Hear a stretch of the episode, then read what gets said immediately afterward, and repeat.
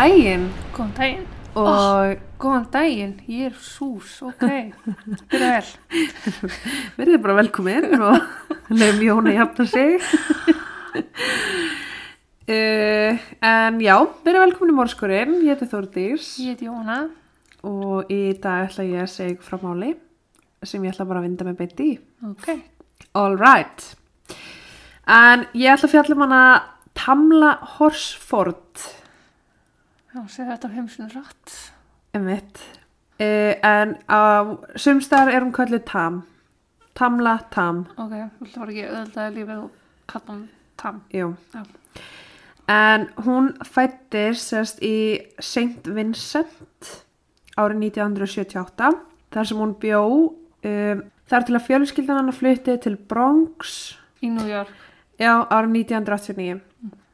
Hún kynnti síðar eiginmanni sínum Lee í Flórida en hann átti dóttur úr fyrra sambandi og þau endur á því að eignast fimm síni saman.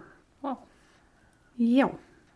Þau hefðu búið í Flórida en nýverið flutt til Forsyth í Georgíu vegna þess að Lee samþýtti atvinnutilbóð þar. Uh, til að byrja með að finnst mér verðt að segja hans frá því hvernig Forsyth var en það er talað um á þessu svæði sem mikið um rasisma og hefur verið mikið í gegnum tíðina. Já, ok. En það er nefnilega svo að Tamla er kona af lit. Já, En sérst, um 1912, svolítið langt frá okkur, já. var sérst, öllum sem að voru svartir á hörund skipað að yfirgefa svæðið. Það var reglulega ráðist á það fólk og þau voru bara virkilega ekki velkomin. Eh, Þrátt fyrir árið séð núna 2018, stá er það liðin tíð en samt ekki. Já. En það er sérst á þessu svæði eru 4% sem eru ekki hvítir. Já, þú meinar. Já. Mjög. Þannig að þetta er talað um að vera bara ekta white suburb Já. basically. En þrátt fyrir þetta þá ákveðu þau að setjast þar að. Tam var mjög spennt fyrir þessari breytingu sem átt sér stað og henni vantaði bara svolítið eitthvað nýtt í lífi sitt. Já. Þe- Þetta var einnig gott fyrir börnin hennar en stjúpdóttir hennar var ólétt og var bara að byrja að stofna sína einn fjölskyldu svo hún var eftir í Flórida. Ok. En í fórsið var mikið um íþróttir þá sérstaklega fótbolta sem kom sér vel fyrir strákan hennar.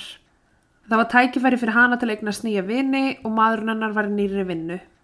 Það var aldrei tími sem að Tam var ekki brosandi og passa hún alltaf upp og allir varu velkomni með og í góðu skapi. Hún setti einni fjölskyldina sína alltaf í fyrsta sæti og voru þau bara mjög hamingsum sjömanna fjölskylda. Já. Átta með stelpunni í Flórida. Já. Þann 3. november árið 2018 var henni bóðið í náttfatapartí með sérst, öðrum mömmum sem áttu stráka í fótbolta. Oh my god. Veistu hvað máld er? Já, ég veit hvað mál þetta er og ég er orðað þeim pyrrið, sko. Þetta partí var fyrir Jean en hún átti sérst, 45 ára ammali og þær vinkonurnar ætluður sérst, að fagna því að hafa komist í gegnum enn eitt fótbolta sísonið saman. Þær voru ekkert eitthvað bestu vinkonur en börnið er að spila saman fótbolta. Mm. sérst, Tam og þessar konur. Já. það voru meira vinkonur hennar Jean sem að mættu. Tam og Lee höfðu einmitt verið hjá þeim vikuna áður að skera grasker með börnunum Það var mæting milli 6.37 en Tam vildi fyrst sinna fjölskyldinu sinni og eldaði því mat fyrir þau og kom allir börnunum í rúmið og ákvað svo að fara út. Það var ekki oft sem hún fór og gerði eitthvað svo hún var mjög spennt fyrir kvöldinu. Hún klætti sig upp í þemað og var í samfesting með svona loppuförum. Svona onsi. Já. Já. og lagði af stað um áttalitið. Á leiðin í partíið stoppa hún og keifti upp á alls tequilaflöskunum sína sem átti að vera ammælskjöf handa Jean. Jean var sérst þessi sem var 45 ára og átti ammali. Já. Það var mæting, vókæðilega segið oft. Hún var mætt á svæðið um 8.30 og á móti henni tóku Jean, eða Jean, en ég mun kalla hana Jean, uh, Jósi Jósi, Jósi sem er sérst kæristan hennar Jean Nicole Marcy Bridget uh, Michael Jennifer Sara Paula Thomas Stacy sem er konans Thomasar og Madeline sem er frænkanar Jean sem býr í kjallarnum á neðri hæðinni. Nei, þú þurft ekki að muni sinna. Nei, ok, takk. En það er samt verðt að taka þau fram. Já, Hún, já, mætti hann á svæðið, var að skemmta sér mjög vel. Þau horfðu meðal hans á fótbolta, spiluðu Cards Against Humanity. Hún ringdi manni sinn um tíuleitið og bara sagði hvað það var í gaman. Svo ringdi hún í stjúpdóttur sína klúan hálf eitt. En hún vildi sína henni vinkonu sínar og vildi einni að vinkonu sínar myndi sjá stjúpdóttur sína sem var ólétt og barnabarnið þeirra. Uh, Tam var í góðu skapi, hún var brosandi, hlæjandi, allar myndir af henni sem eru teknar á þetta kvöld og vídeo sína það sama. já, Þær höfðu sérst, einhverja planað að gista heima hjá Jean á meðan aðra letu eigimenn sína að sækja sig til að skuld sér heim. Frænkanar Jean, Madeline, uh, bjó í kjallarunum í húsinu þeirra en húsið þeirra var frekar stórt. Það voru sex svefnherbyggi og það var á tveimur slass þreimur hæðum. já, ok. Þú veist, það var kjallari, Já. svo var bara grunnhæð, önnur hæð og eiginlega svona loft. Já, Um morgunin 4. november klukkan 8.45 uh, vaknar Madeleit og bankur á hurðina hjá Jean sem var sofandi með 27 ára kæristunum sínum, Jósei. Hún sagði að hún þyrfti að tala við Jósei og var mjög stressuð svo Jean varð frekar áhyggjufull og spurði hana hvað var í gangi. Mm. Ef einhver vekum mig klukkan 8.45 eftir djam Hún sagði frá því að Tam lægi í bakgarðinum með andliti niður og hún var ekki að reyfa sig. Jósei, Madeline og Jean hlaupa því niður til að sjá hvað er í gangi og klukkan 8.59 ringja þau í neyðalínuna. Uh, ég ætla ekki að setja í neyðalínu samtalið hér inn nei, en ég ætla frekar að setja það á Facebook og ég mæli virkilega með því að þið hlusti á það af því að það er mjög skrítið. Ok. Það er eins og þau séu frekar að panta sér Dominos pítsu heldur en að þau séu að tilkynna það að vinkuna er að sé látin Já, í garðinum. Ok, Tónnin í röddin hennar Jean er mjög tómlátur á köflum er eins og hún sé að tilkynna þjófna í næsta húsi frekar en að vinkona sín leiki látin. Þú veist, hún er bara, það er eins og sé ekkert þannig. Flöt bara. Já, hún er bara alveg flött. Einnig tekur Jósef við símanum og hann er mjög fjarlægur, hann er tregur að svara neyðalínu konunni og sérst, á tímapunkti líður langu tími þar til að þau segja eitthvað yfir höfuð. Um, og það er svona eins og þau hefur sett á mute og spjallar saman og svo unmutað og Haldið, svarað. já. Já. Þau nefna tömlu tömlu þau nefna tömlu aldrei á nafn þau segja alltaf bara vinkona mín liggur hérna vinkona mín þetta já, það er aldrei, þú veist, og konan já, já, eða sem er mjög spes að segja ekki nafnið hennar Jósi sagði að fyrrabræði frá því að hún væri hvorki að hreyfa sig nýja anda og að hún væri orðin styrð sem er alltaf bara merkjum andlát. Þegar hann er spurður aftur hvort hún sé að anda e, þá setur hann neðlinn á mjút og þau líða 20 sekundur sem að heyrist ekki neitt sérst bara ekkert. ekkert. Og svo segir hann hún er ekki að anda. Veit ekki hvort hún sé að anda og ég get eða ekki sagt til um það já, Það er inn, út, já. inn, út. en sko, ok maður setur ekki neðurlegin á mjút og tekur sér 20 sekundur nema sé vera að ræða eitthvað sem þú vilt virkilega ekki að þau heyri. Já, og þú byrjar samtalið á því að segja að hún andar ekki. Svo segir við neyðalínu konuna þú veist ekki hvort hún sé að anda. Að þetta var einhvern veginn svona allt út um allt bara.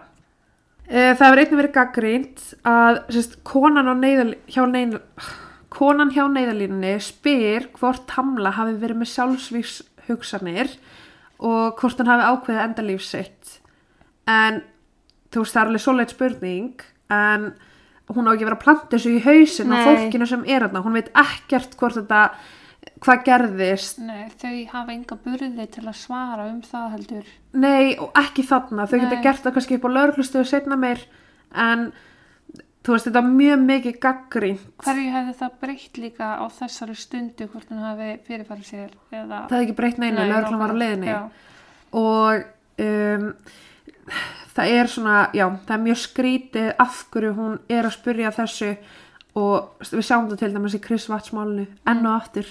Já, þeir eru búið að planta ykkur í hausinn á fólki og fólk fyrir að nota það. Gera mig brjálega En hún spyr hversu stóra svalinnar eru og hann segir að það sé 20 fet frá því þar sem að þau standa upp að því þar sem að grindverki er á annari hæð. Ok. Já, 6 metrar. En að því að hann segir frá því við stöndum og þar sem að grindverkið er, Já. þá er eins og hann sé að segja að hún hafi staðið á grindverkinu og hoppa sjálfvilju neyður og hún hafi dottið 20 fetafall. Já, já, já. Hann er raun ekki að segja þar sem að svalinnar eru heldur grindverkið. Já. Jósis, Jóse segir svo frá því að það séu myndavelur á svæðinu og þau geta skoða hvað gerðist. Ekki þið geti fengið að skoða hvað gerðist, heldur við munum skoða hvað gerðist. Hepplægt. Já, e, það vil nefnilega svo til að Jósi er, var sérst fyrrum lauruglumæður í forsið og sko það ætti að vera honum frekar augljóst að hann á ekki að skoða þetta sjálfur, heldur að hann að aðfenda lauruglun Já. þetta, um, hann starf, Aha. hann ætti að þekkja manna best. Hann sagði einnig mjög oft í símtalinu, hún var svo eina sem reykti af hópnum. Reykti. Sigaretur? Já. En þú veist það er ekki svo skrítið að segja það, en það verður skrítið þegar ég fer hann stýpra í Ok. næsta. En En þetta er ekki svona má öllu vínber og þarf að eins og ég tók. Mm, Ég er að spyrja ekki, nú, þú veist. Já, nei, veist, þetta er bara svona veist, þau voru alltaf það var alltaf þetta Tam is the only smoker Tam is the only smoker. Eins og hún hefði verið, eins og hún sé eina manneskjan sem myndi fara út á svalir, það myndi engin annar fara út á svalir. Já, ok. og það var eins og sé ros, það var alltaf þetta. Já, hún er eins og reykir, það reykir engin annar. Já. það er engin annar að fara út á svalir nema hún. Já, en þetta var sem sagt líka sagt í öllum viðtölum við fólki sem var á staðnum. Og það er alltaf þetta, já, nei, það er engin engin nema hún. Hún er svo eina sem reykir. Já. En uh, Tam átti sérst að hafa verið út að reykja á svölunum. Og það voru myndavelar sem hefðu náð öllu. Einnig voru þau með öryggiskerfi og fengu tilkynningu í síma sinn í hver skipti sem að hurð opnaðist og lokaðist sem að gæti útskýrt hvernig hún fór út og hvernig hún kom aftur inn. Já. Fólk hafði nú þegar verið farið á þessum tíma og sömu hverju farið að sofa en Jósi sá hana í eldúsinu og sagði að hún var að býða eftir fari eða býða til morguns til þess að geta keirt heim. Yfirlauglu þjóðnin Miller kom á svæðið uh, 7 nýju uh, sérst ekki mikil, eða langu tími frá því það var hringt og þar til hann var mættur á svæðið. Nei. Hvorki sjúkralegarnir slökkuliði var mætt á svæðið, stundum tekur það tíma en þegar einhver veit ekki hvort manneski er á lífi eða ekki, af því hann sagði, Já. ég veit ekki hvort hann er anda, uh, væri það ekki réttast að þeir væri kannski fyrstir á vettvang eða Já, myndi haldið drífa sig meira heldur en lauruglan. En sérst, hann Miller var einnig vinur hans, eða þekkti hérna, Jósi. Jósi, já. Þegar hann mætti á svæðið þá skrifaði hann það hjá sér að hún væri látin. Uh, hægt var að auðkynna hana út frá þeim gestum sem hann voru eftir og einni fundust kort á svæðinu sem bara voru með hennar nafni. Já, Þannig að þau gott bara vita strax er hún. Hann ringdi í sjúkralegana og slökkulegið Mm. og sagði að hún er ekki að anda þannig að þau þurfum ekki að mæta á svæðið. What? Já, hann sérst bara cancelaði þeim sem þegar þau koma ekki á svæðið sem er bara strax red flag. Já, líka því að það þarf ykkur að útskurða hann að látna. Nákvæmlega. Og ég skoðaði lögin í Georgíu Uh. og þar segir, ég ætla að lesa á ennsku því ég er ekki vera að translata það, Mm.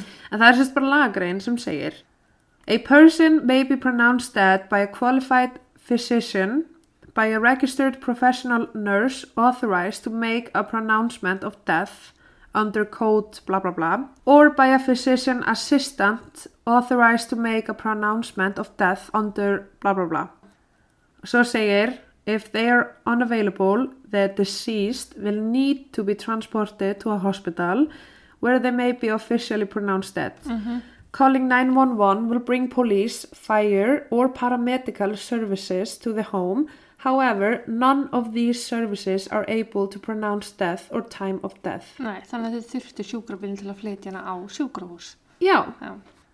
til að úrskurða hana látna. Af því að þú ringir ekki á líkbíl fyrir manneski sem er ekki útskurðið látin. Já, nákvæmlega. En það var einmitt akkur það sem hann gerði. Já. hann sem sagt uh, sem er mjög spes af því að hann er ekki mentaður til þess að vita hvort manneskan sé á lífi eða ekki Nei. Og hann kanselar sjúkrabílnum og ringi frekar á líkbílinn og bara hei, það líkirna voru að koma að segja sem að, sem að á bara ekki að vera Það, sem á bara ekki að vera hægt Líkbílinn hefði verið bara, já, þú veist, þetta Er er búið útskona látna? Nei, nei, ok, herra, ég get ekki komið. þetta er bara á ekki að vera hægt, sko. Það er bara hvernig getur hann hann að látna á hann viðkomi annars aðila og sérstaklega aðila sem að hefur heimild til að gera þetta. En eins og ég segi í lögunum sem að voru kannski mjög óskýr, en þá hefur hann enga heimild til þess. Og það er eiginlega bara ótrúlega að fólk hafi tekið marka á sig og virkilega bara eitthvað, já ok, það er ekki að bjarga þessari, sæja Nora, Já, þú veist, bara fyrir mig næsta, Já. skilur, bara mjög spes. Eftir að lauruglan úrskurðaði hann að látna var fengið fleiri lauruglumenn á svæðið og sérst láti alla sem að voru í veistunni fara inn í hús og býða eftir að skýrsla er tekin af þeim, skýrsla á vettfangi. Uh, hann ringdi krupningalækni eins og ég sagði sem að kom og fjarlæði hann að vettfangi. Einnig var byggðið þá sem að höfðu verið á svæðinu um að mæta aftur í húsið og sérst, það var byggðið um að vera allir sitt hvori herbygjónum já, Já. en það var svo sem ekki kannað nánar. já, Í rauninu voru þau bara, frjálsferða sinna inn í húsinu. já, því þetta voru náttúrulega bara allt vinir, skilur Mm. Þess þá heldur ætti að halda þeim í sundur. Það ætti klálega að halda þeim að sundur. Tamla fannst með andliti beint niður, bókstala eins og hún hefði feisplantað. Mm. Það var bara, það var alveg beint. Já, Það var hvorki smá til hægri en til vinstri. hún bara datt á andliti. Hún bara, datt, bara feisplantaði. Jesus. Og Hún var tæpum 50 cm frá sérst, neðri svölunum þar sem hún endaði beint í línu við efri svalinnar. Sérst bara beint niður. Já, Þannig að lappinnar hennar voru í beinti línu upp og við við efri svalinnar. mhm, Vinstri handlegur var fyrir ofan haus Mm. og var sérst svona beigður já, já, og uh, líkamann hennar var alveg beinn og hægri handlegurinn lá beinn niður. hoppiðu nú inn á Instagram og aðtöðu myndina áður að halda áfram. Já, það væri sniðut. Hún var með brotin úlið sem sýnir fram á að hún hefði reynt að fe- fallið. Það múið lífið þú datt. Já, Já, það var ekkert blóð í kringum hana. Sest, ekki neitt þannig blætti ekki neins þar út. Og styrðuleikin síndi fram á að hún hafði leiði hann í eitthvað tíma. Yfirveld höldu því að hún hafi hrasað og dotti fram á svölunum. Ég er ekki samanlega. nei, ekki heldur. Uh, grindverki var mælt og það voru sérst 14 fet eða 4 metrar Já, frá því þar sem að hún lá þar sem að grindverki var já. og Jósi hafði talað um hann á 20 Mm Jean sagði lörglunni frá því að flestir hafi mætt á svæðið millir 6.37 í staðan fyrir að fara einhvert út að borða ákveð þau frekar frá heim til Jean svo allir getur gist þar og myndi ekki þurfa að taka leigubíl hingað og þangað. Mhm. Þetta átti einugis að vera þær stelpunar en Josie og Tom, kæristan hennar Stacy en maðurinn hennar, voru einn á svæðinu. En sérst, Josie ákveða að bjóða honum yfir og voru þeir bara í kjallanum að horfa á fótbolta. Ok, Þegar það var hálfleikur fóru þeir upp að stelast í mat hjá stelpunum og enda á því að hanga með þeim um kvöldi. Bara eitthvað svona, bara að chilla. já, basically. Um eitt liti byrjaði partí að leysast upp. Þau höfðu spilað Cards Against Humanity, þau höfðu hort á fótbolta, átt bara mjög góðan tíma. Tam reyndi að samfæra fólk um að fara ekki að sofa því það var ekki oft sem hann komst út úr húsi og henni langaði í raun ekkert að enda kvöldi. Nei, En flestir vildi fara að sofa eða bara koma sér heim. Jean sagði að það síðasta sem hún vissi af henni þá var hún í stofunni og ætlaði að fara að reykja og myndi koma aftur. En hún hafði sérst drukkið tequila sem hún gaf Jean, þar sem að Jean drakk sjálf ekki tequila Mm. og það var uppáldið hennar Tam þannig að hún bara, I'll take it. Það talaði um að Tam hafi verið svona big drinker og hún hafi verið mikið þól Mm. fyrir áfengi. Uh, Kemur Eh. það frá þessum vinum eða kemur það frá hennar? það kemur frá hennar vinum. Já, ok. En hún hafi verið að blanda sérst tequilanu saman við Mountain Dew og vatnin á milli Jean, Tequila og og Mountain, Dew. Mountain Dew. Bara tequila yfir höfu sko. Já, almennt, já, það er Já. rétt. En Jean tók eftir því að það var lítið eftir í flöskunni þegar hún fór að sofa. Ok, Okay. Og Tam var ein sem var að drekka þetta tequila. Það var engin annar að fá sér að því. ok, en hvernig tók hann eftir að vera lítið í flöskunni? Tína kona. Já, hún, fyrir ekki. Uh, Hvernig tók hún eftir að vera lítið ég veit ekki, ef ég væri blindfull þá var ég ekki Það spáð er hvað bara væri mikið... síðasta sem ég vildi pæla í, sko. Já, það er líka sko talað um að tequila hafi verið í töskun hennar sem hún var bak við sófan. Hvað, fór hún aðtöða það? Mm, einmitt. What? Eða, já, já, já, já. Þetta er svona óþarfa komment ég tók með eftir, þetta var nú mjög lítið eftir í flöskunni Mhm. til þess að bara skýt út mannorðaðanar. Já, það er það sko. En sérst tímalínan um það hvenna gestinni fóru eftir skýslum lauruglunar eru að klukkan 10.30 fóru Sara og Nicole heim en þær voru sérst ekki lengur með pössun Mm. þannig að þær bara kvöttu og fóru heim enduðu kvöldin snemma. Klukkan 1.30 fóru Jóse og Jean að sofa og Tam var ennþá vakandi. Hún sagðist að fara út að reykja og svo ætla hann að koma inn og gista á sófanum eða í einu barnaherbyggina. Ok. Klukkan 1.47 fór Bridget eftir að maður hennar sótt hana. Klukkan 4.10 fór Marcy. Klukkan 7.45 fór Paula og klukkan 8.30 fóru Tom og Stacey. En það var 15 mínútum áður en að líka tömlu fannst. Akkurat. Það áhugaverða er að Jóse segir þarna að hún- hafi ætlað að gista sófanum eða í einu barnaherbygginu Mhm. en hann sagði við neyðarlínuna að hún hefði verið í eldúsinu að býja eftir fari eða býja til morgun svo hún geti kyrt heim. Já, þetta. Eh, hann sagðist að það var síðan í eldúsinu en núna segir hann að hún hefði ætlað út að reykja sem að passar ekki beint saman. Nei. Hvor var það? Allt í einu segja Jean og Jóse það sama um að hún ætla út að reykja á svalinnar þar sem hún átti að hafa dottið. Hann segir svo í skýslunni að þegar hann var að taka til um morgunin hafa hann fundið síkartu og kveikjara sem hann var ekki búið að reykja á gólfinu á svölunum. Uh, því trúði hann að eitthvað hafi gerst þarna og hún hafi hrasa á dottið og miss síkartuna sem hún ætlaði að reykja. Manst eftir, eftir hvað gerðist hvernig þau fundu líkið? Að hún dætt beint fram fyrir sig. Nei, eða sérst Madeline fann tömlu Já. fór og vakti Jósi og Jean Já. sem að hlupu öll niður uh, og hvað tímapunkti var maðurinn að taka til og sópa og fann óreikta síkartu Já. Já, þú veist Spes. og hann var sérst, í símanu við neyðalínuna frá því hann vaknaði frá, frá því að þeir hlupu niður Já. og þar til að lögregla mætti á svæðið þannig að það bara meikar ekki sens Nei, alls ekki. um, hann sagði þetta að hann vissi að þetta væri síkarana tam út af því að það passa við sömu tegund, og hún reykti Ok. þannig að hann er hann svofandi hleypur út hún finnst á verundinni Já. Á einhverju tímapunkti uh, er hann farin upp og byrjar að sópa svalinnar Það meikar ekki sens. það meikir engan sens Nei. og af Jean og Madeline og þeim sem að voru hana uh, var ekki svolítið skrítið að þú væri með lík í garðinum og vinnuðin væri allt í hennu bara farin upp og svalir að sópa Þú veist, það væri allir ekki bara eitthvað ok, hvað er að gerast Jú. Og það er líka mjög líklegt að Madeline eða Jean myndu segja frá því herði já, hann var hérna að sópa Já. en það var enginn hann sem sagði frá því. Þetta er bara, þetta er ógæslega spes komment en þarna er eins og hann sé að reyna að láta vita af því að Tamir Já, síkartan var já. óreikt á gólfinu eitthvað gerðist, hún hefur dottið og mist hana þú veist það er svona sé að reyna að búa til eitthvað scenario sem að mögulega var Sem ekki er til staðar. alltaf skrítið.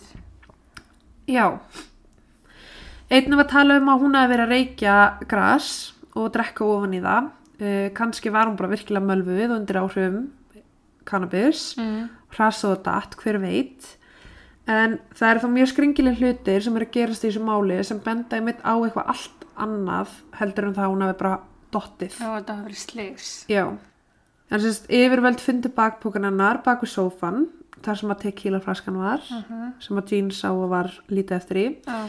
og þar var gras þannig að það, þú veist, þetta var ekkit eitthvað að hún, að fólk var að ljúa því upp á hana hún var Nei, virkilega já. bara að reykja gras Ok, en sem er bara mjög algengt út í bandrækjunum.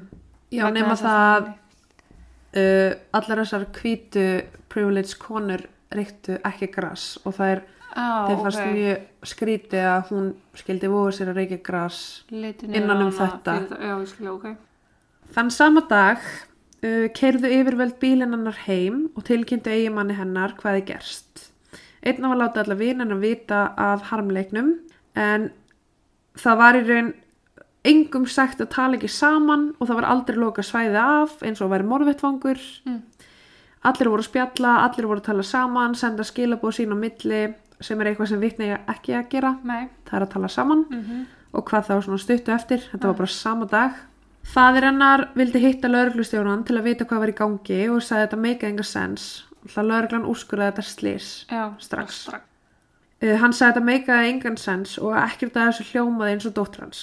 Uh, hann sagði til dæmis frá því að Tamla væri frá svæði nálægt Karabíska hafinu og henni væri sérst alltaf kalt. Mm. Hún er sérst frá heitum stað Já, já, já. og náttúrulega hún bjóði í Flórida. Mhm. Svo kemur hún þanga og þannig kalt. En hún var vön að vera í jakka og allir gerðu grína henni fyrir það. Hún var. Hún var alltaf eina mannskjarn í jakka sem var virkilega kall. Þegar hún fannst var hún bara í samfestingnum og sokkum. En það var frekar kallt úti og hún var til dæmis ekki í skóm sem er mjög óvinnilegt. En hún fór sérst aldrei út á hún sem verið skóm, hvað þá inni skóm. Mhm. Og það var ta- sérstaklega að tala um sérstaklega eins og út á svalir að reykja.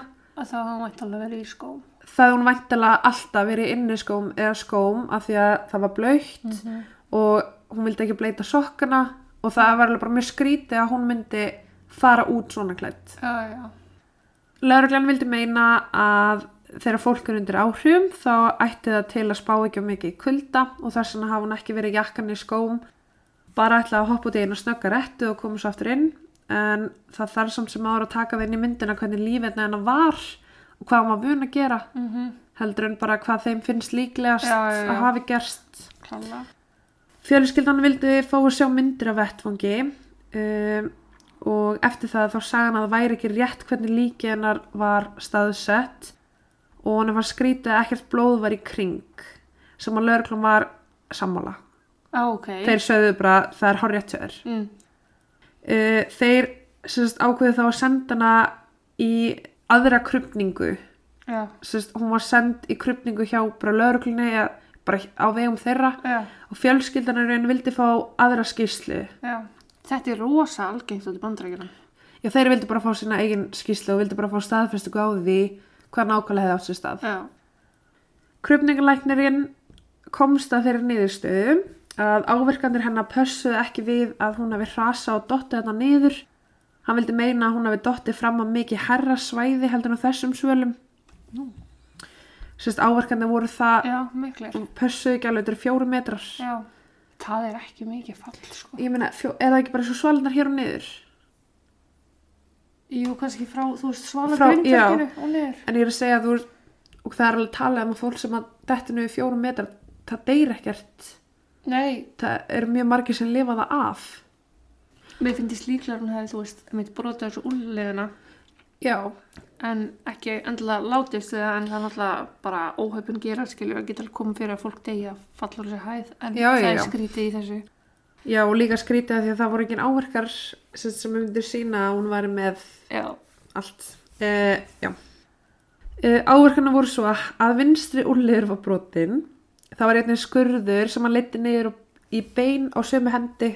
já, Uh, hún var einnig með áverk á nefinu, bara svona skrámur Mm. og vinstra auga og hún var sérst með eitthvað sem er kallað C2 sem er þekkt sem hangman fracture já, hún braut hryggjalegin sér já, já. og það gerist meðal annars í bílslesum þegar höfuð fyrir upp og aftur svona smellur já. uh, hún var ekki með brotin nef Nei, ef þú dettur fjóra metra beint á nefið á þér þá myndi maður eiginlega gera ráð fyrir að nefi brotnar já þú veist, hvað, fyrst þú ekki hárbusta í og að það brotnaði? Nefn að nefið brotnaði minna tilfelli sko. ég, ég er að segja það, þú veist, það, er svona það er mjög spes að nefinar hafi bara lifað þetta falla af en úrlegurinn hann brotnaði. Já, það er mjög spes. Já.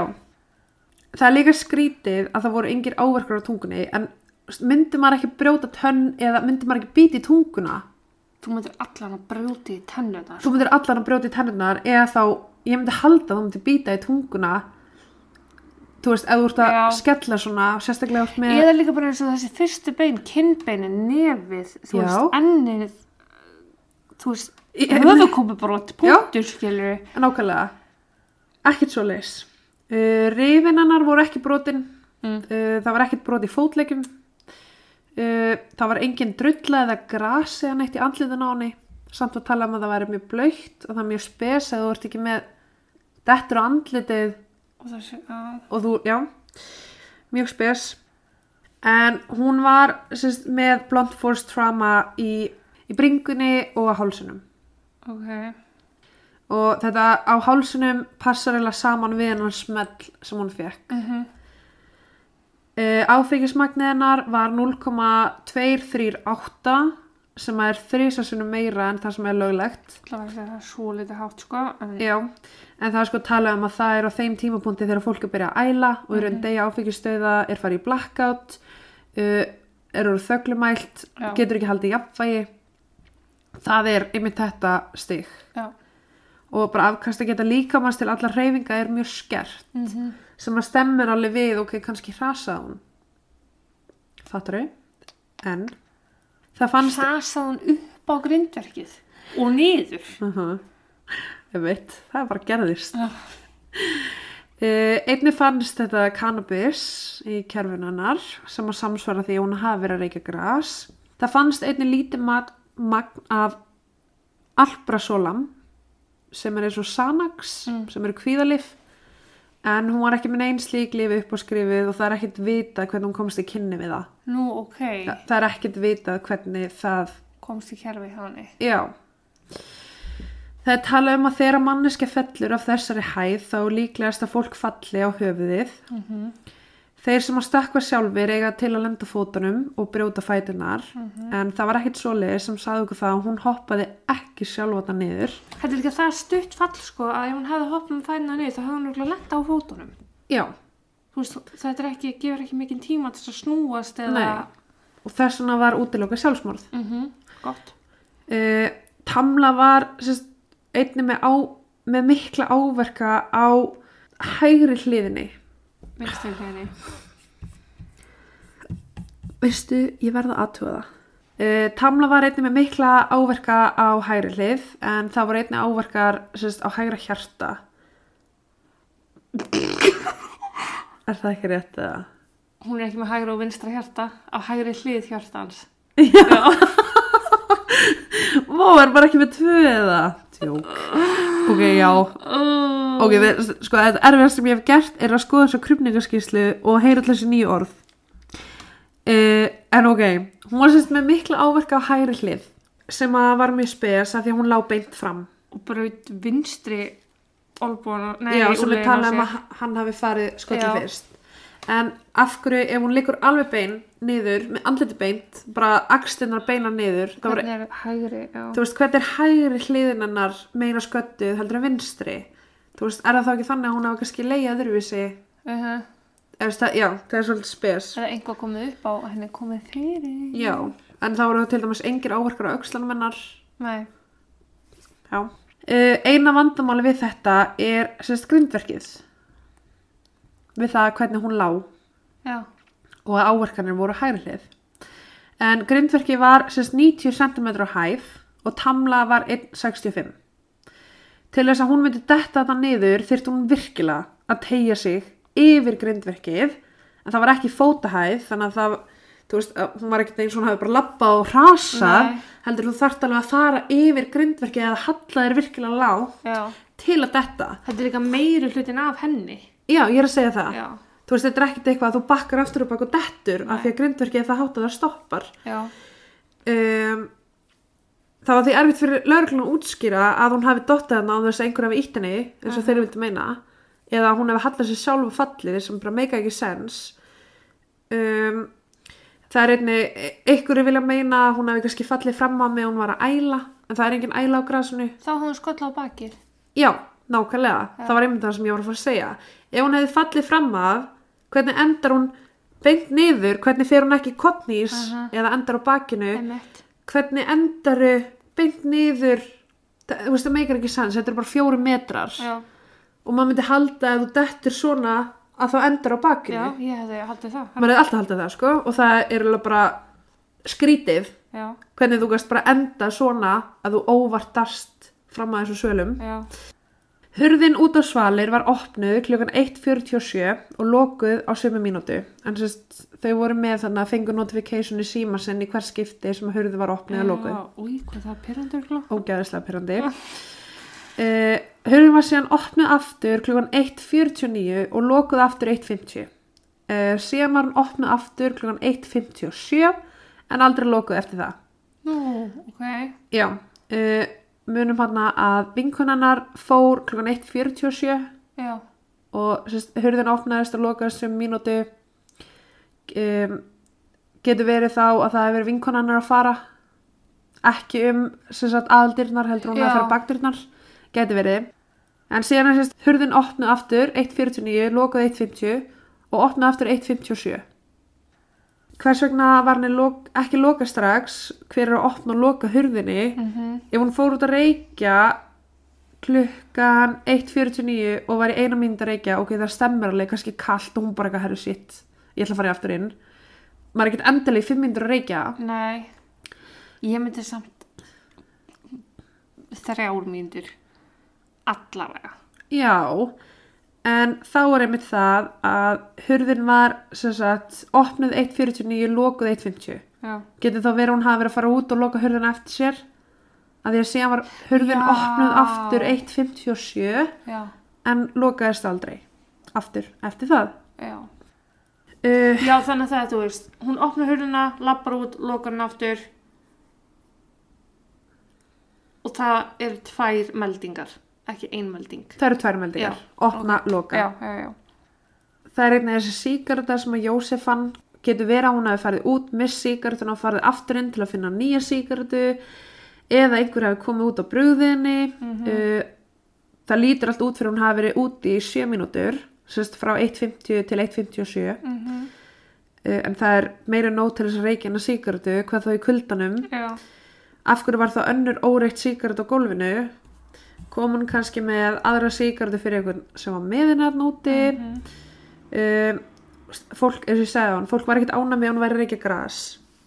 Þannig að það mjögulega verið ástæðan var hún reykja úti að reykja gras á svölunum fór svo inn og ætlaði að fá sér síkartu eftir á án tjóks þetta eru bara alltaf margar spurningar og af hverju ætti hún að opna hurðina og svo fara og hoppa fram yfir? Eða, svo og hún ætla bara að gera það ekki. Ég er að segja það, það er bara meikar ekki sens. Allir sem að voru á staðnum þess að örlega ríkunótt voru tekinni í skýslutöku hjá lauruglu. Viðtalið við Söru og Nicole var stutt en þær fóru heim kl. 10.30 og sögðu að allir í partíinu hefði verið glaðir og haft gaman. Það var ekkert vandamál og Tamla var ekki full. Nú, ok. Bridget var næst að fara um 1.47. Það var mínúti eftir að Tam fór út að reykja. Já, eða eitthvað í kringum það. Bridget var eiginlega út um allt í viðtalinu mjög stressuð, átti erfitt með sjálfa sig. Hún sagði að Tam hafði verið ánað og skemmt sér vel. Uh, Tam hafði meðal annars skammað hana fyrir að vera í tölvunni en hún var sérst að vinna og Tam vildi bara að hún myndi leggja tölvuna til hlýðar og skemmta sér, bara let loose a little bit. já, Hún sagði að allir fóru eða flestir fóru að sofa um 1.30 og bara hún og Tamla höfðu verið niðri þar til 1.47 þegar maðurinn hennar kom að sækjana. Þær höfðu verið í eldúsnu og Tamla var að borða súpu og hún sagði að á þessum tímapunkti hafði Tam ekki verið mjög drukkin. Hún var ekki missa jafnvægi og var ekki þöglumælt eða neitt svo leis. eins og áfengismagnið í blóðinu. Til kynna? Já, Já. Hún sagði svo, munum það, hún fór heim kljóðan 1.47. mhm, Svo sagði hún Don't take me out 100% but something around 150 or 155 the back door never shut. A cigarette was laying on the deck unlit as far as I know with the lighter. akkur veit hún það um að farin. Ákallega. E, að þessum tímapunkti stoppuðu rannsakandur hana og voru alveg, uh, Bridget, þú fórst klukkan 1.47. Hvernig veistu þetta? Þannig að hún var basically að láta laurugluna vita að þau hefðu öll verið að tala saman, Já. vitnin, og voru samræma sögurnar og segja hverjan öðrum upplýsingar sem að hún til dæmis gæt mögulega ekki vitað. Nei. Uh, þau reyndu að fá upplýsingar um hvað meira þau hefðu rætt saman en hún vildi ekki tjá sig um það en segi svo frá því að gastankur hafi verið skilin eftir á svölunum og að Jósi hafi sagt öllum að Tam hafi notað þetta til þess að komast upp á grindverkið til að hoppa niður. Þannig að sérst, Jósi er núna búin að planta því í höfuð á öllum að Hún hafi gas. gastankin til að fara og hoppa sjálfvilju niður. Gaskút. Já, Já. gaskútin. Marcy var næst tekin yfirheyslu en hún fór um 4.10. Hún sagði það sama á hinn á konurnar, allar þekktu Jean og hefði komið þarna saman til að fagna ammálinu hennar. Tam hefði komið um 8.30 og var mjög vingjalleg og ánað allan tíman. Hún sagði að Tam hefði ekki litið út fyrir að vera full. Mm. Um 12.30 eða 12.45 hefði Jósi sett hana og Jennifer inn í gestaherbyggið því þær voru svo fullar, sett sjónvarpið á og að þær hefur bara rótast. Já. Hún hafði vaknað aftur um fjöguleitið og var að fara að vinna í nýri vinnu og vildi komast heim í styrtu og gerist til að orna dagurum byrjaði. Hún hafði talið að það væri búið að renna af sér svo hún ákvaði að keira heim og tók ekki eftir neginu einkennilegu áður hún fór. Um nýju leitið fekk hún svo skilabóð frá Jen sem sagði henni hvað þið gerst svo hún fór úr vinnunni og dreif sér tilbaka í húsið. Why? Það, var, það voru allir bennur um að koma aftur. Já, Bara- ok, já, já, ok. Þannig að þú veist, já, það bara vissi ekki hvað var í gangi. Já. basically uh, næsti viðtal var Póla en hún fór sérst um sjöleitið hún sagði að sama og allir aðrir bara að Tamla var hamingisum, skemmt sér vel og var ekki full Mm Tom og Stacey fóru sérst réttu eftir Pólu eða um 8.30 um morgunin uh, Stacey var eiginlega svona mest vinkona tömlu af öllum konunum barna Ó, þær ok. þekktust svona best og hefðu verið að hanga saman eitthvað áður Ok. Uh, Stacey segir það nákvæmlega sama bara hún var ekki full, hún var hamingjusum hún var að skemmt sér mjög vel uh, Tam hefði byrðið Stacey um að gista með sér en Tom sagðist, alveg ta- sagðist ekki taka það í mál hann ætlaði að gista með konu sinni og þetta var alveg smá svona í djóki Já, þetta já, var meira svona nei, she's Já, mine, mhm. eitthvað uh, Tam hafði því sett símana þeirra saman á borðið og sagt jæja þá fór símandur okkar allan að sofa saman og hló. Já. og það var alveg bara svona einhver skemmtunum milli þeirra. Já. Tom vaknaði klukkan 7.30 fór á baðurbyggið og lá eitthvað hans upp í rúmi. Hann endaði síðan á að vekja Stacey um 8 þau voru að ganga frá dótinu sinu og fóru um 8.30 og enn og aftur sáu ekkert óvanilegt en þau sáu bílinn að tömlu fyrir utan og voru ána með að hún hefði ákveðið að gista í staðin fyrir að keira ölfið heim. En hún hafði sem sagt Tom, Stacey og Bridget að henni langaði að keira heim og vera með fjölskyldinu sinni. Mm. þau reyndu að tala hana af því og heldur bara að hún væri sofandi í einu af herbyggjunum Já. þegar þau sáu bílinn. Það þótt samt skríti að Tam hefði viljað fara heim af því hún hefði líka sagt fyrir kvöldi að hún var að reyna að fá fólk til að vera lengur. Já, já, já. uh, hún var búin að reykja gras. Mhm. hann langaði kannski ekki beint að fara heim til batana sinna blindfull og búin að reykja gras. Nei. uh, það var engin ástæða fyrir því að henni langaði að fara heim. Þú veist, leiði henni illa, sakna hann barðana sinna, vildi hún vera heimi á sér frekar en ekki. En það eru sérst einhverju sem halda í fram að eitthvað hafi gerst og þess vegna hafi henni langað heim. Uh, hún var mögulega að skemmta sér í fyrsta skipti í langan tíma og henni langar bara heim þetta er svona Hljómar eins og eitthvað að koma upp á eða... það, já, það hljómar eins og eitthvað hafa komið upp á. Jean sagði það sama og hún hefði sagt í upprannlegu skýslunni það var eitt sem var áhugavert uh, er að Tamla fannst með hægri handlegin niður við hliðin á vinstri sem var upp. Mm. en hún sagði að Tamla hafði ekki verið svoleiðis þegar þau fundana heldur hefði báðar hendur leiði með frá síðunni. Já. Hún segist hafa munað það sérstaklega því fætunar voru einmitt bara beint niður, andliti beint niður og hendunar lágu einmitt beinar eh, eins og þeim hefði verið komið frekar fyrir þarna heldur hún hafi fallið af því þetta er bara mjög skrítið að þú endur í þessari stöðu Mm og hvers vegna er úrleginum brotin ef að Já, hendin líka einmitt. niðri. Um, það passar við það sem Madeline sagði en hún man eftir að hafa spurt sjálfa sig uh, hvernig Tamla hefði endað akkurat svona eins og hún var þegar við sána fyrst. Uh, Jósi hafði reynt að færa fótinn á henni til að sjá hvort hann andaði. Ég veit ekki af hverju hann færði fótinn til að sjá hvort hann andaði. En hann sagði að það hefði verið eina skipti sem hann hefði snert hana.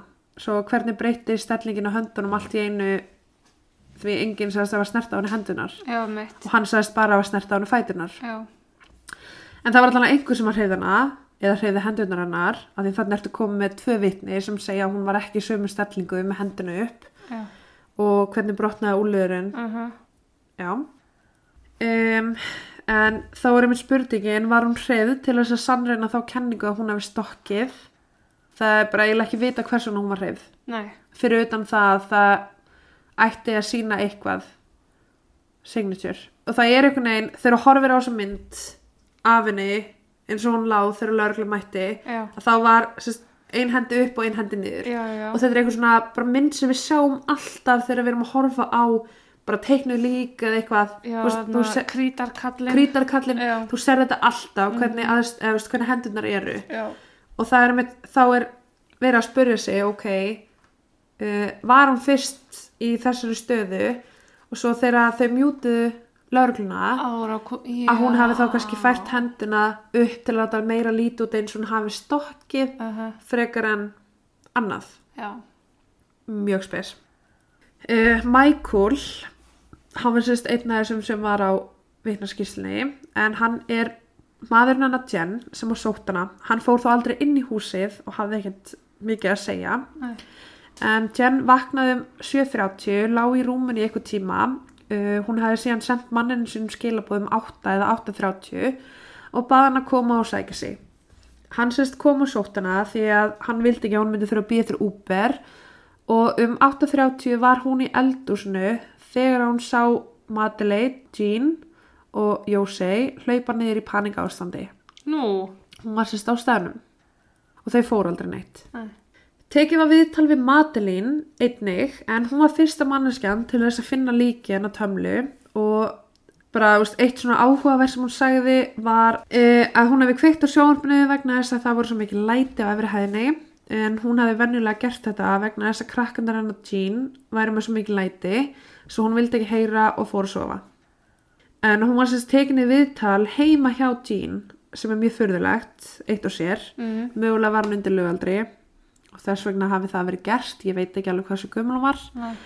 en sérst, þær basically lögreglan satt með henni bara inn í stofu og Jean var heima Já. var bara eitthvað að tala í síman inn í eldúsi og var alltaf að koma að tröfla og og skipta sér af og sérst, á einum tímpúndi þá reyndi hún að gefa sérst, rannsónlörglunni sem voru að taka viðtölu við Madeline gafabrif á Dunkin Donuts What? hún var sérst bara að reyna að múta þeim Mm -hmm. Við gafa brjóða döngin af öllu sem hún gætt gefið þetta er ótrúlega hypocritical. Ekki það, góði kleinurringir En en þú veist það er bara það dó kona heima hjá þér sem er talað verið vinkunæðin og það er verið að yfirheyra frænguna sem kom að henni Mhm. og þú er bara eitthvað herðu, má ekki bjóða ykkur hérna fría kleinurringi þetta er bara talið ótrúlega skrítið. Pínu óveðand að bjóða lögreglumennum kleinurringi líka. Rosalega óviðandi en þetta voru sérst tíu gestir sem að voru staðnum og í öllum þessum viðtölum er sem sagt að Tamla hafi verið svo eina sem reykti og engin annar hafi reykt. En það er eins og þau hafi komið sér saman um að segja það. Já, af því að þú veist þetta er svo mikið bara eitthvað já ég var þú veist, í öllum viðtölunum um, þú veist, ef maður les skýsluna þá er það bara eitthvað já þú veist, ég var í eldur svona þarna og já Tamla er einn sem reykti. Ég skil ekki hvað það kemur samt, þú veist, það er ekki að fyrsta sem hann er dettur í hug. Það er alls ekki að fyrst saman dætt í hug að, seg, eða, að segja fyrrabræði Tamla var eins og reykti, þetta var ekkert eitthvað svona, já reykir þú? Nei, það var aldrei spurt og þau. enginn spurði reykir tamla? Nei, það var enginn sem spurði. Nei, já, það skrítið sko. En það er vefsi á netinu sem að fjölskylda og vinur Tamlu sett upp og það eru upplýsingar um að sérst, tvær tegundir á síkartum hafi fundist og tveir kveikjarar. uh, en það er þá eins og einhver annar hafi verið að reykja með henni og gæti þá útskýrt hvers vegna allir eru svona staðrunir í að segja það reykti enginn nema hún. Já, enn og aftur uh, þá var sérst, málið ekki rannsakað. Það var ekkert tekið inn sem sönnugögn. Nei, og þar leindi þessar tvær tegundir af síkartum sem að fundust eru bara í ruslinu. Já, eru bara eitthvað staðar í ruslinu þannig að það er í raun ekki hægt að skoða hver átti hérna síkartum sem fannst en það er augljóst en sérst, fjölskyldan vill meina að þau hafi sannanir fyrir því að það hafi verið tvær tegundir af síkartum sem Ok. því er einhver annar hafi verið að reykja. Já, og ég skal segja þér eftir hvers vegna fjölskyldan er ekki búin að gefa neitt út. Ok. En þá heldum við áfram.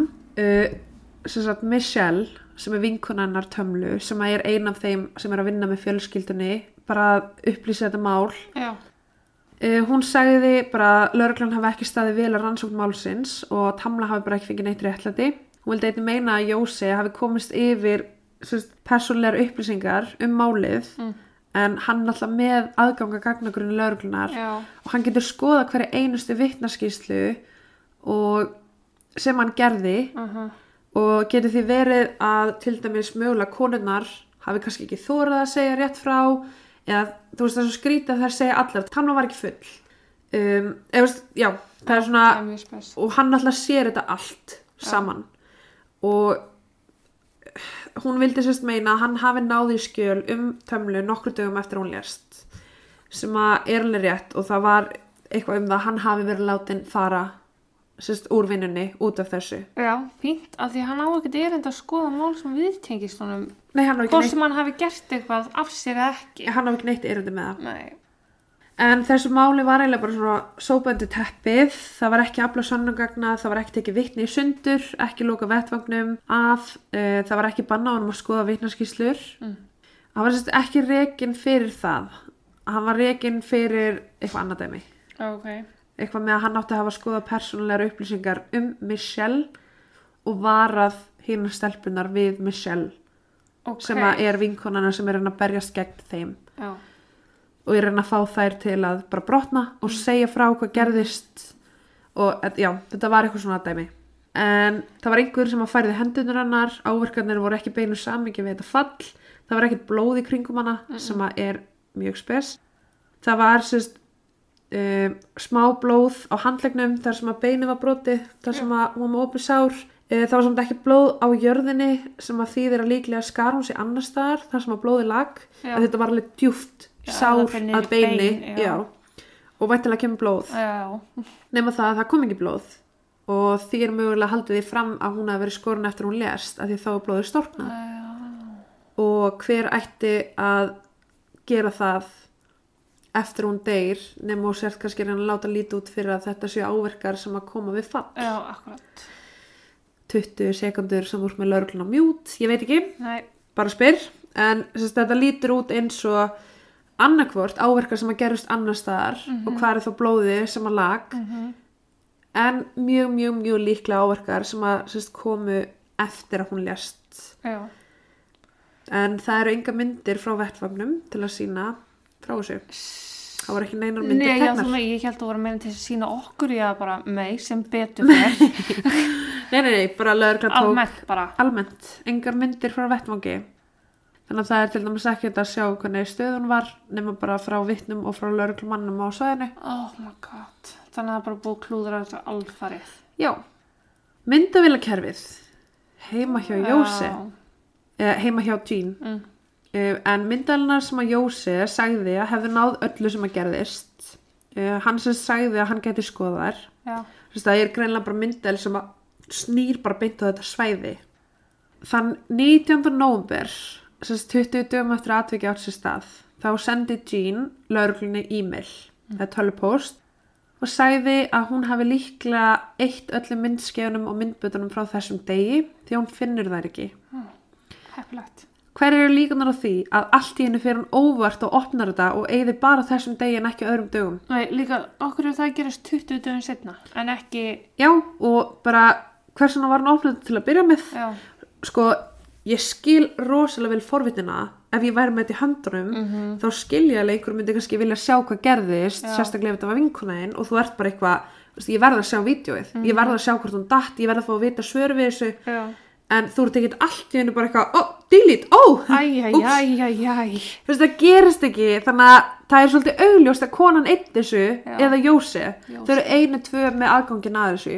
Ég segi Jósi, sko. Og, veist, og maður spyr sjálfa sig bara til hvers og af hverju ertu að skoða til að byrja með. Já. Af hverju lætur ekki bara laurugluna beint á tölvuna og bara gjöra svo vel takið þetta, finni út hvað gerðist. Það er það sem ég myndi ekki, ég myndi bara, takk þetta, ég vil ekki sjá Já, þetta, ég, bara, ég, ég, ég myndi ekki vilja, þú veist.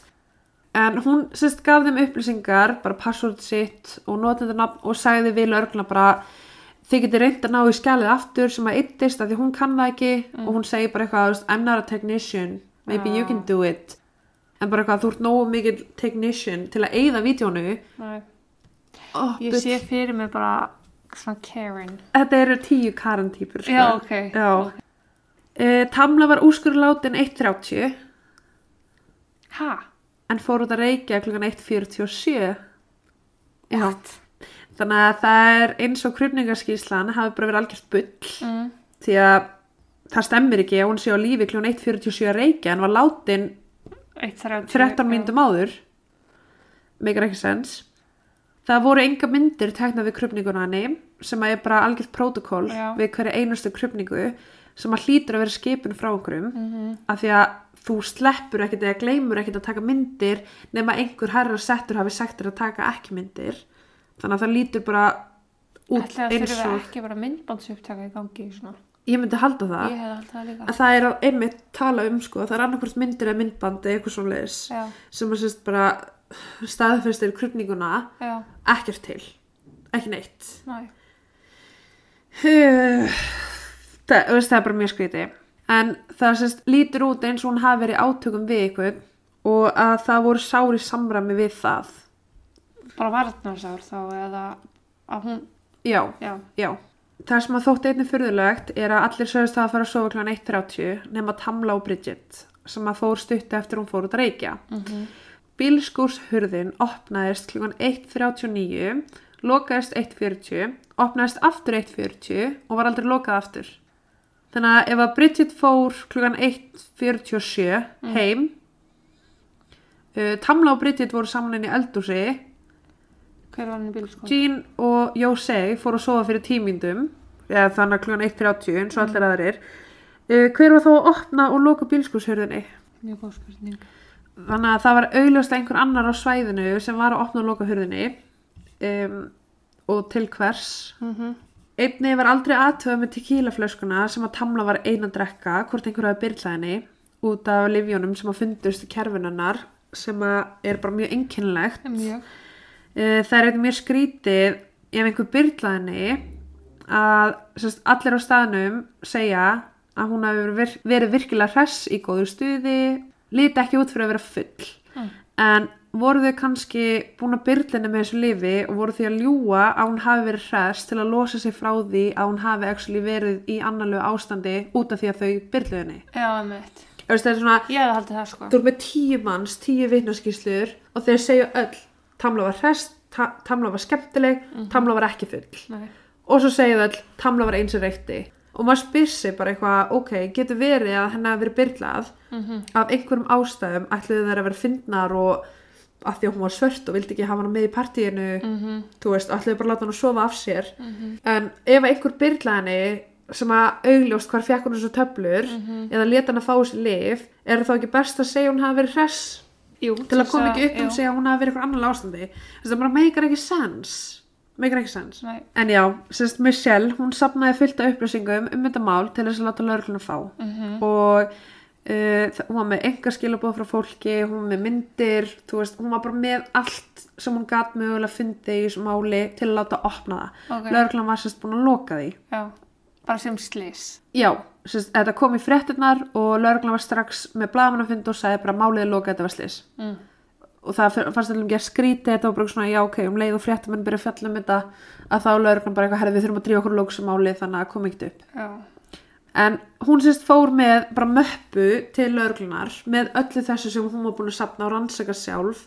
Og einhver hluta vegna þá bara týndist mappan og fannst aldrei aftur. Heppilegt. þannig að hún þurfti því að byrja að sapna allir saman aftur og hefur ekki annláti lögreglun að fá það. Bara hún treystir ekki lögreglunni Nei. og Joe segja náttúrulega partur á lögreglunni. Aha. hann á konu sem að var hana en málið er lokað. Þetta var bara slis, þetta bara gerðist óvart en það var margir beðum réttlæti fyrir tömlu, þú veist meðal annars Kim Kardashian, T.I., 50 Cent og Já. fleiri og hafa bara safnað undirskriftum til að opna málið hennar Mhm. bara til að finna út sannleikan það er náttúrulega bara þrjú ár síðan þetta gerðist Já. bara svona nokkri punktar sem að ég tók saman er að hún var svört og hún var í partíða sem allir voru hvítir Mhm. og hún bjóði bæði þar sem að var mikið um rasisma og það var eins og ég segi 4% Já. voru ekki hvíta á þessu svæði neyðalínu símtalið eins og ég segi það hljómar eins og þau séu að panta pítsu. Frekar en að þau uh, séu að tilkynna um láttamannuski í garðinum. Vistu, allt þetta bara með að það sem að hann sagði með að hún hefði pott hoppa niður Mhm. uh, gasdraslið af þetta með sígarettustöpana að hann hafi farið og verið að sópa pallin eða hann að svalirnar og fyndi það þessar 20 sekundur sem að byðu á milli símtalsins Mér finnst grunnsalegt þegar að, þú veist, fólk er með meira af ég held eða ég veit að þetta gerðist frekar en ég hef bara ekki hugmyndi hvað kom fyrir. Ég veit ekki hvernig, hvernig þetta gat kom fyrir. veist, en hann er með, hún reykti gaskúturinn, veist, hann er með fyllt af rökum um hvað hann heldur að hafa komið fyrir já, og þau, já þegar þau eigi ekkert erindi til þess. um eitt um, það er líka með þarna að hún hefði dottið niður þessa fjórum metra Mm. og það eru bara rannsóknir sem segja að fólk sem dettur niður fjórum metra það er ekki að deyja veist, það, bara, það, það þarf mjög mikið til að manneska deyr já, og áverkanir hennar voru ekki sam, eða, veist, þegar áverkanir voru það litlir á henni að það eiginlega bara getur ekki verið að hún hafi dáið fallið nei. Það er bara staðurinn, það er það er bara, þú veist, hún var ekki sem með brotið rifbein. Nei. hún var ekki og með brotið nef veist, og það var engar inn, þú veist, það var ekkert Nei, sem að myndi samsvara því að hún hafi fallið þetta niður og bara látist að sáru sínum. Nei, af því það voru engin sár til staðar. Svo er hann að Jóse sem hann alltaf bara hann var síðastu til að sjá hann á lífi. Mm. sem að er, Heflegt. já og hann er einmitt maðurinn sem að segir að hún hafi fram í sjálfsmál Mm og treður því í hausin á vitnunum Já. að hún hefði hoppað fram af Og kemur einmitt með þetta með gaskútin og allt þetta. já og það, veist, og það eru líka rannsóknir sem að eru til sem að segja að fólk sem að hoppar fram af húsum, svölum, einhverju Mm. þau lenda á fótunum Já, eða bakinu já. það er sama hversu fallið er hátt Mm þú veist, þetta er, þetta er svipa bara eins og með þegar þú, kasta kett upp í loftið hann endar alltaf á fótunum. Já, ekki það ég sé mikið að gera en ég las mig til um það. En þú veist, þetta er samt bara það er ótrúlega skrítið að það er eins og hún hafi bókstala bara hún hefði ekki eins og geta staðið upp á grindvirkinu og fallið beint niður. Það hefði bara verið svo skrítið mér finnst það líka skrítið bara almennt að hún myndi lenda þá þannig.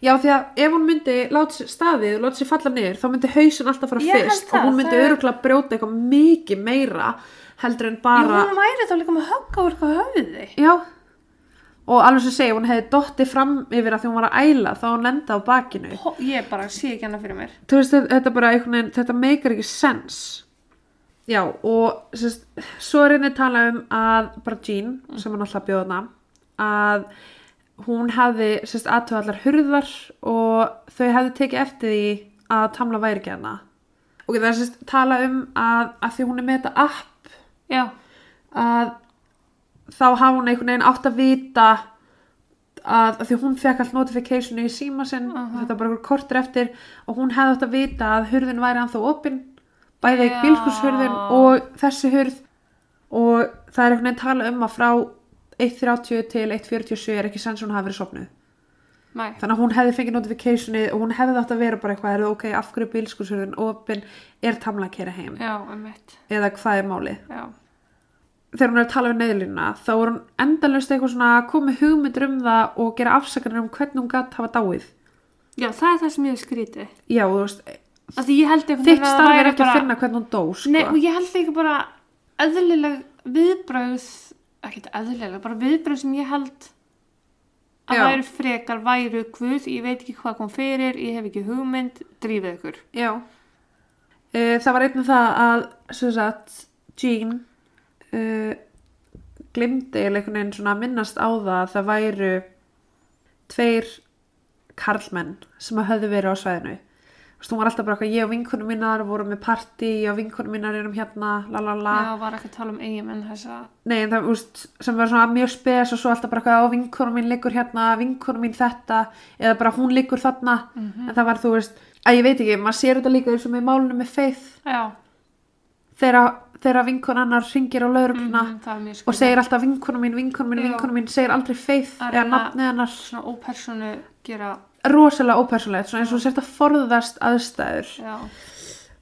en já, svo er mitt bara grasið var blöytt og var svona muddy mhm, sem að þýðir bara að það er þetta er ekki harð lending, þú ert ekki að lenda okkur fokkin Nei. konkrét dæmi. Og Dín reyndi að gefa þeim þessi gjafakort. Já, þessi gafakort er náttúrulega bara, já, þessi gjafakort en já, eins og ég segi þetta er bara, allt við þetta mál er ótrúlega skrítið og ég veit að það er endi dagsins í dag sem fólk er bara að reyna að finna út hvað gerðist þannig ekki landsinn þetta var nei, ég ætla bara að vona að fólk haldi í áfram, þetta er sexbata móðir sem að, þú veist, hún á skilið réttlæti á bönnuninnar og maðurinnar er skilið að fá að vita hvað Einmitt. kom raunverulega fyrir. nákvæmlega Um, það er kannski spurning um að ég seti inn neyðalínu símtalið hér. Forsyth County 911. Hi, yes, um, I, I need an ambulance and a place to my home. What's the address? 4450 Woodlake Court, 4450 Woodlake? Woodlet. Woodlet, okay. Alright, 4450 Woodlet Court. What is your name? My name is John Myers, E J-E-A-N-N-E. Okay, and your phone number is 609.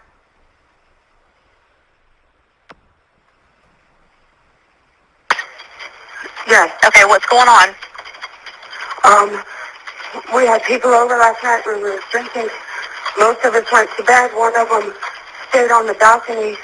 She was drinking, and we just went out outside, and she's laying face down in the backyard. It looks like me. I'm guessing maybe she fell off the balcony, but she's stiff. Okay, is she breathing? I, I don't. I don't know if she's face down. Okay, how, Everyone thought she. how old is she? At 41. Here, hold on. Hey, this is Jose Pereira. Hey, have y'all checked to see if she's breathing? She's not moving one bit. She's not breathing. Um, Okay. I just tried to assess her, touch her. She's completely face down in the yard. Um, she is stiff.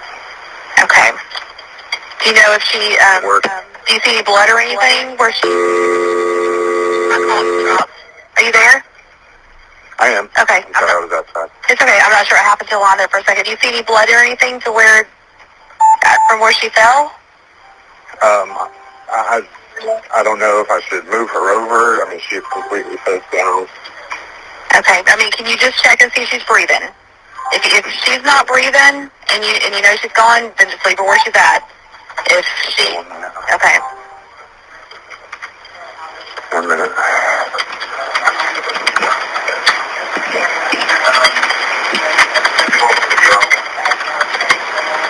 Uh,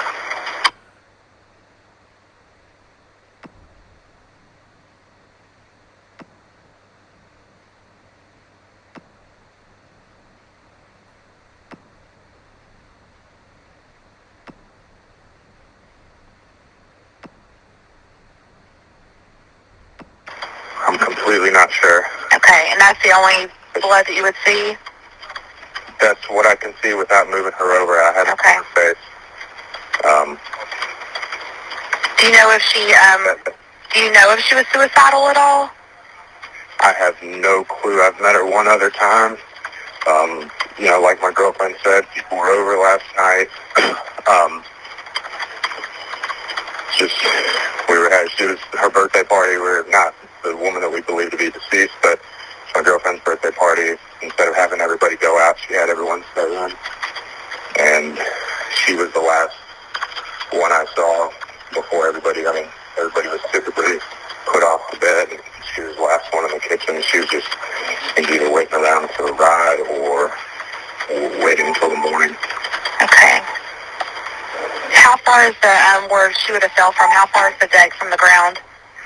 Um, I would probably say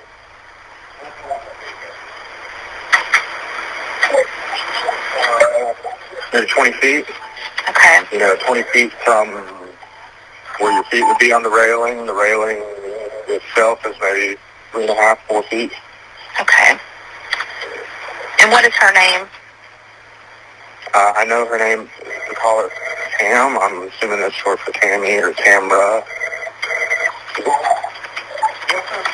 Was she there with anyone else?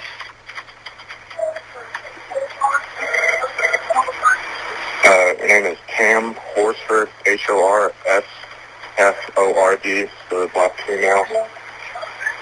Um, I don't believe anybody was. Uh, my girlfriend has cameras here on the back deck that we can check Okay. that I think would have caught the incident if she fell from here. Again, I, I, True, I don't know.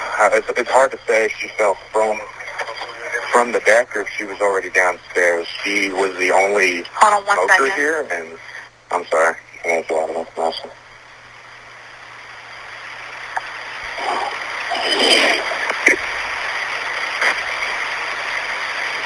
Okay, I'm so sorry about that.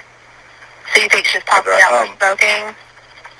Yeah, she was. She was the only smoker. I mean, I'm, I'm on the back deck right now and you know, cigarettes, lighter, that type of thing are out here. Um, and I'm just trying to see where uh, on my wrist mine came from. Okay. All right. Um, have are all the people that were there last night? Are they still at your house? Okay.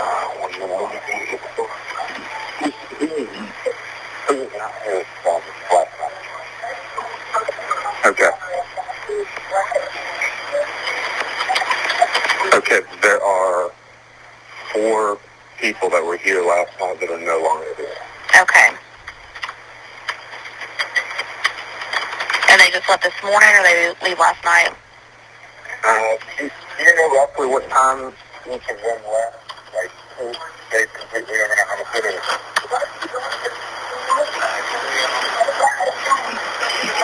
Um, já, annars var það bara ekki mikið meira. Nei, Bara það að uh, ég er nokkuð vissum að eitthvað annað hafi gerst heldur en hafa bara dottið. alveg 100% sko.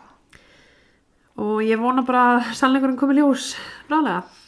Já, Sem allra fyrst. Hún á fimm stráka og eina stelpu Já. og barnaböld. einmitt. Þetta er ömulegt. Þetta er glata sko. En já, þá segi ég bara takk og bless. Takk fyrir það.